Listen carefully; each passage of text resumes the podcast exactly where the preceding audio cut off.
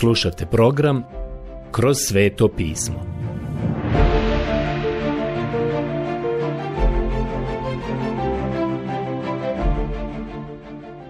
Knjiga Postanak. Odlomak Postanak poglavlje 29 od 1. do 30. stiha. U našem proučavanju smo došli do 29. poglavlja knjige Postanka i ukoliko imate svoju Bibliju, otvorite je na tom mjestu. Prošli put smo završili naše proučavanje u 28. poglavlju. Sjećate se da je Jakov morao napustiti svoj dom u žurbi. Zapravo, otišao je iznenada. Morao je otići jer bi ga njegov brat ubio.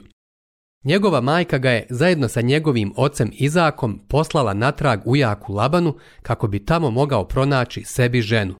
I Izak je stekao svoju ženu otamo, Rebeku, pa su Jakova poslali tamo. Sada je prepušten sam sebi, ali on je pametan momak i pokazao je tu svoju pamet. Čak i te noći kada je bio nostalgičan za svojim domom, Bog mu se ukazao da ga utješi i dao mu je ona divna obećanja. Prenio je i njemu obećanja koja je dao Abrahamu i Izaku. Sada su ta obećanja bila dana i Jakovu. A onda, već sutradan on se zavjetuje Bogu i trguje sa njim. I on kaže, ako ćeš se brinuti za mene i ako ćeš učiniti ovo za mene i ako me vratiš ovamo, onda ću ja ovo učiniti za tebe. Prijatelji, vjerujte, sve to što mu je Bog već bio rekao, da je to ovisilo o Jakovljevoj vjernosti, bojim se da nikada ne bi primio mnogo od gospoda. Uostalom, nije li sve po milosti? To je način na koji smo vi i ja spašeni. Nikada to nismo zaslužili. Da jesmo, niko od nas nikada ne bi bio spašen. Ja bih preko 29. poglavlja knjige Postanka želio napisati stihove 7 i 8 iz 6. poglavlja poslanice Galačanima. Ne varajte se, Bog se ne da izrugivati, jer što čovjek posije, ono će i požeti. Tko sije u svoje tijelo, od tijela će požeti propast, a koji sije u duh, od duha će požeti vječni život. Mogli bismo staviti naslov iznad ovog poglavlja. Posljedice loših dijela stignu kasnije u životu. Sada ćemo vidjeti, počevši od ovog poglavlja, da Jakov počinje da žanje plodove svojih loših dijela. Također možemo da vidimo da je to univerzalni Božji zakon. Šta god čovjek posije, to će i požnjati. Ako nas Biblija išta uči, onda nas uči da je to istina. I to vrijedi za svako područje života.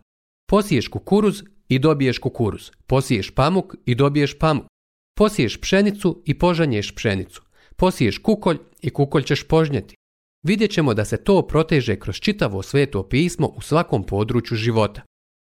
Na primjer, Faraon je ubijao hebrejsku mušku djecu. I šta se dogodilo? Njegovog vlastitog sina je ubio anđel smrti. Ahab je hladnokrvno ubio Nabota, a kasnije su psi lizali Nabotu krv. Ilija je došao do Ahaba i rekao mu, gledaj, na istom mjestu gdje su psi lizali nabotovu krv, psi će lizati i tvoju krv. Mislim da se Ahab samo nasmijao na to i rekao, držat ću se podalje od tog mjesta. Ali dogodilo se da se to doslovno ispunilo. Sjećate se da je David otkrio da je ovo neumoljivi zakon koji je primjenjiv i na njegov život u odnosu na njegov grijeh. Počinio je grijeh, užasan grijeh. Jeste, Bog mu je oprostio, ali mogu vam reći da nas posljedice naših dijela sustižu. Šta sijemo, to i žanjemo. Davidovu vlastitu kćer su silovali, a sina su mu ubili. Čak je i apostol Pavle osjetio težinu ovog zakona. Dao je svoj pristanak i odobravao je kamenovanje Stjepana. I šta se dogodilo? I Pavla su odveli izvan grada Listre, kamenovali ga i ostavili da umre. A Jakov je stvarno klasični primjer i to ćemo vidjeti ubrzo. Sve ovo spominjem na početku ovog poglavlja. Zapazite da je Jakov prilično drzak. On je praktikovao prevaru. Bez oklijevanja bi koristio metode koje su bile sumnjive kako bi postigao svoju svrhu. Bio je ponosan na svoju pamet. Molim vas obratite sada pažnju na prvi stih 29. poglavlja knjige Postanka. Tada se zaputi Jakov i ode u zemlju sinova istoka. Sada Jakov napušta Betel, odlazi na put i nakon nekog vremena, ne znam koliko dugo, on je stigao u zemlju Haran. Kad baci pogled oko sebe, ugleda u pustinji studenac na kojem su upravo počivala tri stada ovaca, jer su se na tom studencu obično napajala stada. Nad otvorom studenca ležao je golem kamen.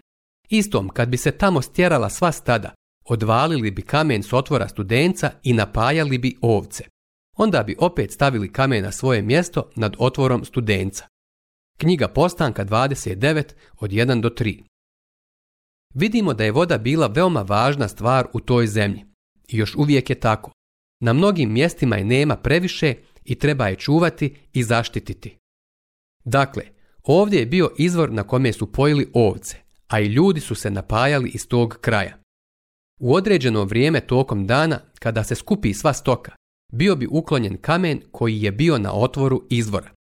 Svako bi tada napojio svoje ovce. Svi bi došli do vode i kamen bi ponovo bio nabačen. Jakov je stigao do tog izvora prije nego su uklonili kamen sa njega, dok su se još skupljala stada. I evo sada Jakova koji je drzak kao i uvijek. Poslušajte ga. Jakov im reče, braćo, odakle ste? Odgovoriše, iz Harana smo. On ih upita, Poznajete li Labana, sina Nahorova? Odvratiše, poznajemo.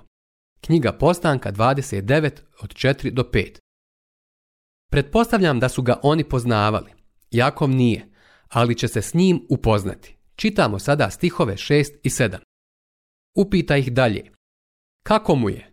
Odvratiše. Dobro, evo upravo dolazi kći njegova Rahela s ovcama. Tada on reče. Eto, još je dan dug, i nije još vrijeme da skupljate stoku. Napojite ipak ovce i pustite ih onda da još pasu. Knjiga Postanka 29 od 6 do 7. Evo Jakov je tek stigao u zemlju i već im govori kako da napoje svoje ovce. Šta i kako bi oni to trebali činiti. To je tipično za njega. Odgovoriše, ne možemo dok se ne skupe sva stada. Onda odvalimo kamen s otvora studenca i napojimo ovce. Dok je on još govorio s njima, bila je došla Rahela s ovcama svog oca. Ona je naime bila pastirica. Knjiga postanka 29, 8 do 9. Usput, u to vrijeme to je bio ženski posao. Rahela je bila pastirica koja je čuvala ovce. Jakov sreće Rahelu, ujaka Labana i Leu. A kad Jakov vidi Rahelu, kći majčina mu brata Labana i ovce majčina mu brata Labana Pristupi Jakov, odvali kamen s otvora studenca i napoji ovce majčina mu brata Labana. Iskreno, ne znam komu je rekao da to učini, ali on je to učinio. Da li je to bilo vrijeme da se ukloni taj kamen sa otvora izvora? Ne znam. Sumnjam da jeste, ali nakon svega Jakov zapravo ne slijedi ničija pravila osim vlastitih. Uspostavljao je pravila igre dok je prolazio kroz život. Odnosno, tako je bilo u prvom dijelu njegovog života. Ali on tek mora naučiti jednu veliku lekciju, a njegov ujak Laban je taj koji će ga zaista naučiti. U stihu 11 vidimo šta je još Jakov učinio.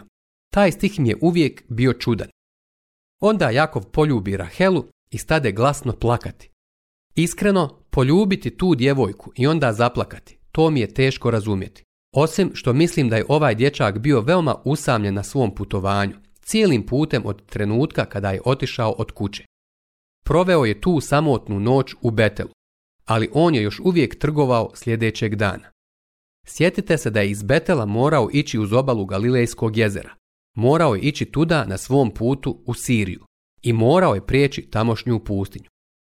Pretpostavljam da je na tom putu imao mnogo različitih iskustava a sada je upravo saznao da je stigao na mjesto na koje je krenuo, o kome prije toga nije ništa znao. I čim je stigao tamo, postao je veoma drzak. On je zapravo pozdravio te ljude na takav način kao da ih poznaje cijeli život. Postavljao im je pitanja, a onda je odvalio kamen sa otvora izvora. Da li je bilo vrijeme za to, sumnjam, ali on je to učinio. Pretpostavljam da su ga toliko preplavile emocije da kada je pozdravio tu djevojku Rahelu, poljubio ju je i zaplakao. Mislim da je to jedini logičan način na koji to možete objasniti. Ali siguran sam da kada je sljedeći put to učinio, tada više nije plakao. Pročitat ću sada 12. stih.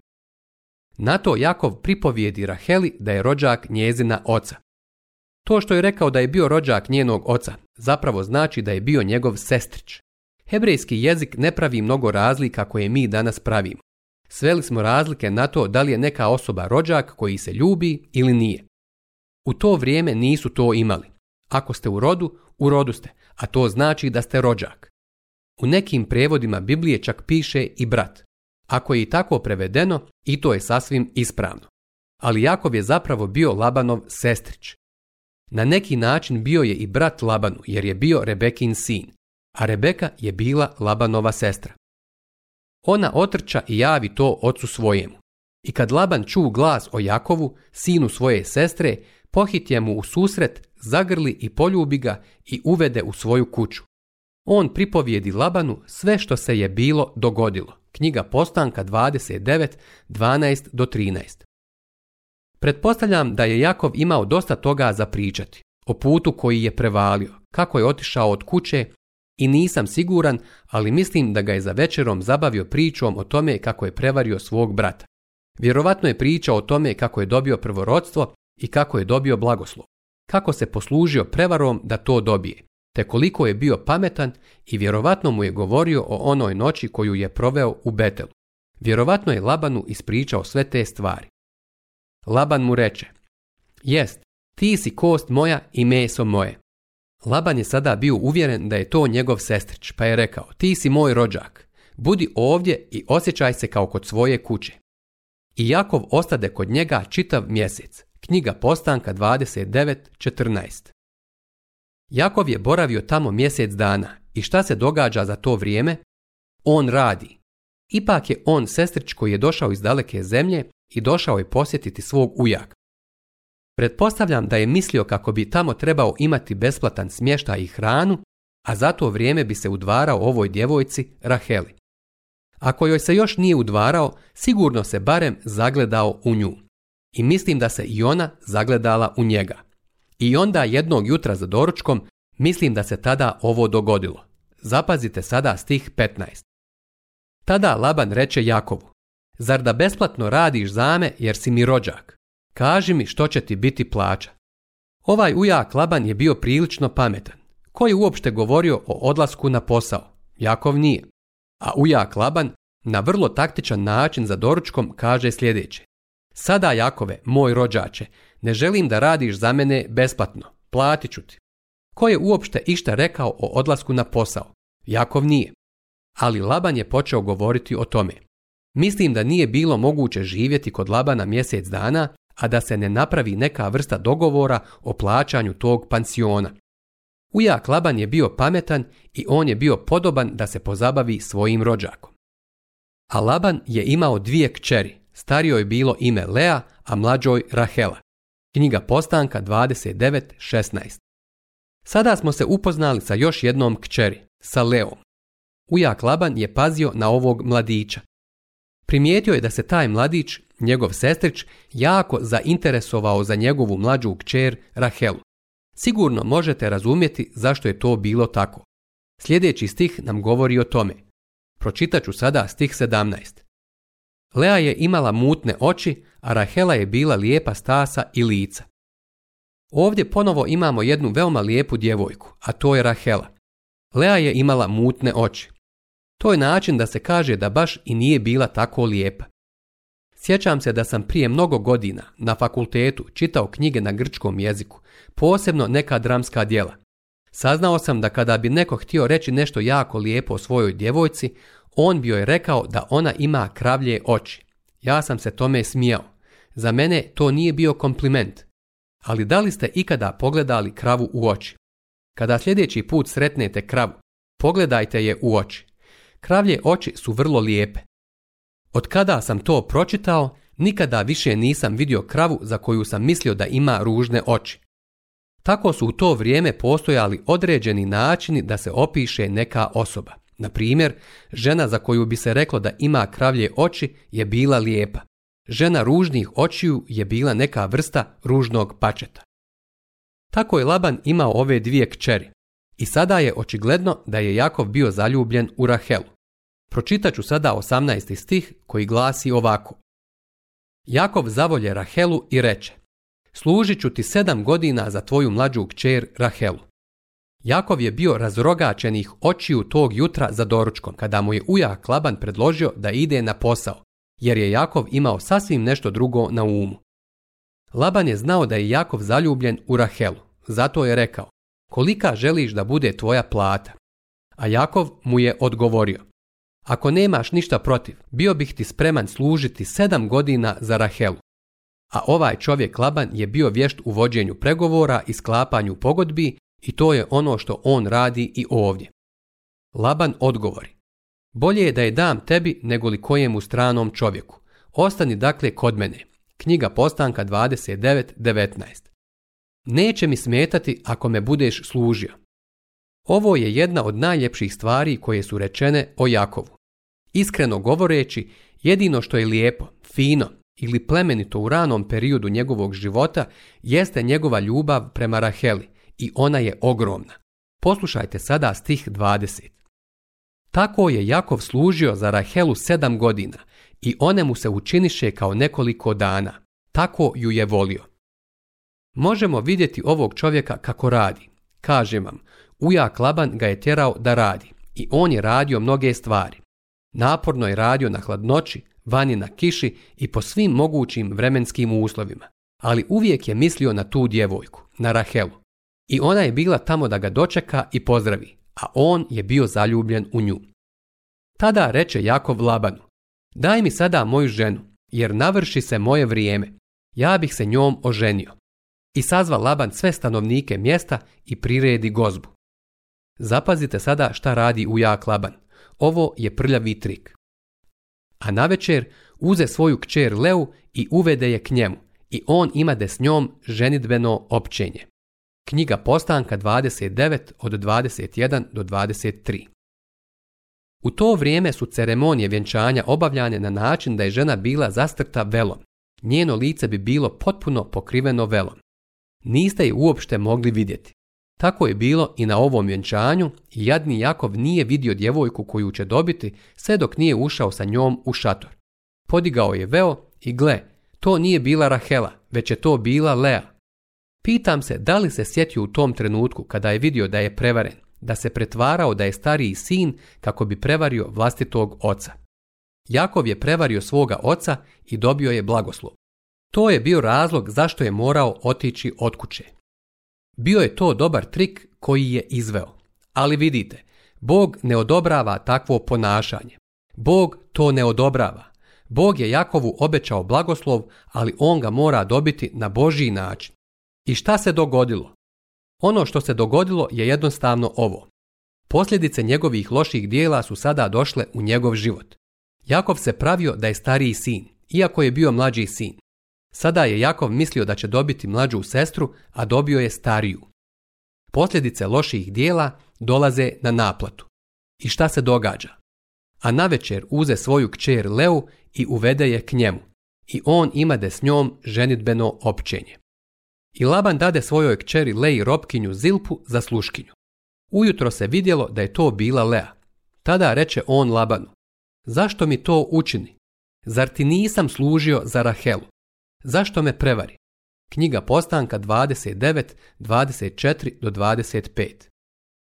Reći ću vam, kada se stvari okrenu, onda to postaje užasna stvar. Zapravo, to što je Laban učinio jeste zločin. Zapazite kako to ujak Laban realizuje. Prijatelj, ujak Laban je stručnjak za takve stvari. Laban odvrati. U našoj zemlji nije običaj da se uda mlađa prije starije. Knjiga Postanka 29.26. Ujak Laban je rekao, postoji jedna mala stvar, jedna mala klauzula u našem ugovoru. Jakove, to je zapravo bilo ono što je bilo zapisano sitnim slovima, a ja sam ti zaboravio skrenuti pažnju na to. U ovoj našoj zemlji postoji pravilo da se starija kći prva mora udati, a mlađa kći se ne može udati dok se starija ne uda. Eto, to sam ti zaboravio reći. I to je razlog zašto je ispalo tako kako jeste. Ovaj čovjek ovdje je služio sedam godina. Zapazite sada da je ujak Laban spreman da bude veoma velikodušan u svemu ovome i zato on kaže Jakovu sljedeće. Navrši samo s njom svadbeni tjedan, a taj tjedan, vidite, ima sedam godina. Onda će ti se dati i druga za službu, što ćeš mi je služiti još daljnjih sedam godina. Knjiga Postanka 29.27 Prijatelji, nemojte mi sada doći i reći, gledajte, ovaj će čovjek imati dvije žene. Izgleda da je Bog to odobrio. Zašto mislite da je Bog to odobrio? Ovo je zapisano ovdje jer se tako dogodilo, ali to ne znači da je Bog to odobrio. Zapravo, imamo istu situaciju kao u slučaju kada je Abraham uzeo Hagaru. Cijela priča o tom događaju otkriva nam da Bog to nije odobravao. I to je zabilježeno samo iz razloga jer se to tako dogodilo i jer je to činjenica. Jakov je tako učinio. Pročitat ću sada 28. stih. Jakov učini tako i navrši s njom svadbeni tjedan. Tada mu dade i svoju kćer Rahelu za ženu. I Laban dade svojoj kćeri Raheli svoju robkinju Bilhu za sluškinju. On imade i s Rahelom ženitbeno općenje.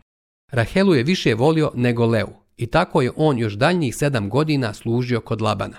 Knjiga Postanka 29 od 28 do 30. Vjerujte mi, ujak Laban je uvijek gledao da mu se nešto isplati, zar ne? A jadni Jakov je prošao kroz školu i ima dvije žene, a ne bi ih trebao imati. Biće u nevolji prije nego što se sve to završi.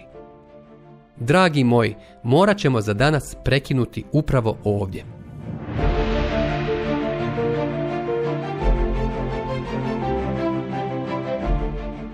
Slušali ste emisiju Kroz sveto pismo. Možete nas slušati i na našem YouTube kanalu, putem mobilne aplikacije, te na svim glavnim podcast platformama kao što su Google, Apple i Spotify. Ako vam se naši programi dopadaju, preporučite ih i podijelite s drugima. Budite slobodni da ostavite svoj komentar ili nam pišite na našu e-mail adresu kroz sveto at gmail.com Zapratite našu stranicu kroz sveto pismo BiH na Facebooku i na Instagramu.